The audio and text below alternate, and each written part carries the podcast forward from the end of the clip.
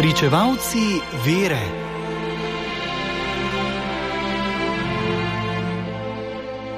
Cerkveni koledar nas danes opozarja na praznik.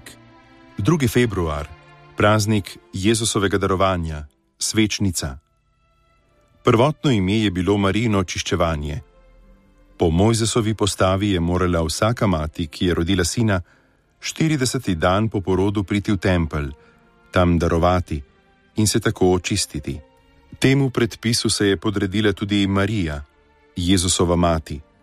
Ona je Jezusa spočela in rodila deviško, zato je obred očiščevanja ne bi obvezoval.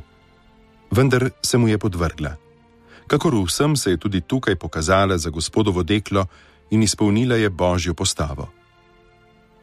Evangelist Luka v poročilu o njenem obisku v Jeruzalemskem templju omenja srečanje s starčkom Simeonom. Ta je v videnju spoznal, kdo je dete, ki ga pestuje ta mlada žena, pristopil je, ga vzel v naročje in spregovoril sloviti preroški spev: Zdaj odpuščaš svojega služabnika, o gospodar, po svoji besedi v miru, kajti moje oči so videli rešitev, ki si jo pripravil pred očmi vseh narodov. Luč v razsvetljenje poganov in v slavo Izraela, svojega ljudstva. Spomin na ta dogodek je prva crkva v Jeruzalemu obhajala že ob koncu četrtega stoletja. Na besede starčka, luč v razsvetljenje poganov, se naslanja starodavni bogoslužni obred blagoslavljanja sveč, ki se razvija v procesijo svečami. O tem obredu poroča že znamenita romarica Silvija v svojem znanem spisu z konca 4. stoletja, ki se nanaša na Jeruzalem. Za Rim imamo poročilo o tem obredu in o procesiji iz ene cerkve v drugo iz časa papeža Sergija I., ki je vodil cerkev v letih od 687 do 692.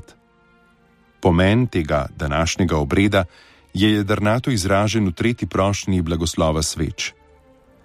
Gospod Jezus Kristus, prava luč, ki razsvetljuješ vsakega človeka, ki pride na ta svet, kakor te luči, z vednim ognjem prižgane, preganjajo nočne temine, tako ne bodo tudi naša srca razsvetljena z nevidnim ognjem, to je z lučjo svetega duha in brez leherne grešne slepote, da bomo mogli gledati z očiščenim, duhovnim očesom, kar ti je všeč in našemu zveličanju v korist, ter da bomo tako po temnih nevarnostih tega sveta zaslužili priti k neminljivi svetlobi.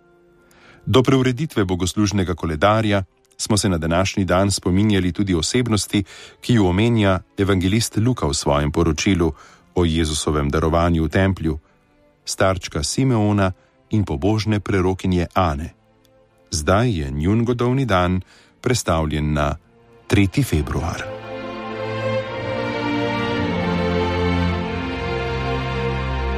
Brali smo iz knjige Svetnik za vsak dan, ki jo je napisal Silvestr Čuk.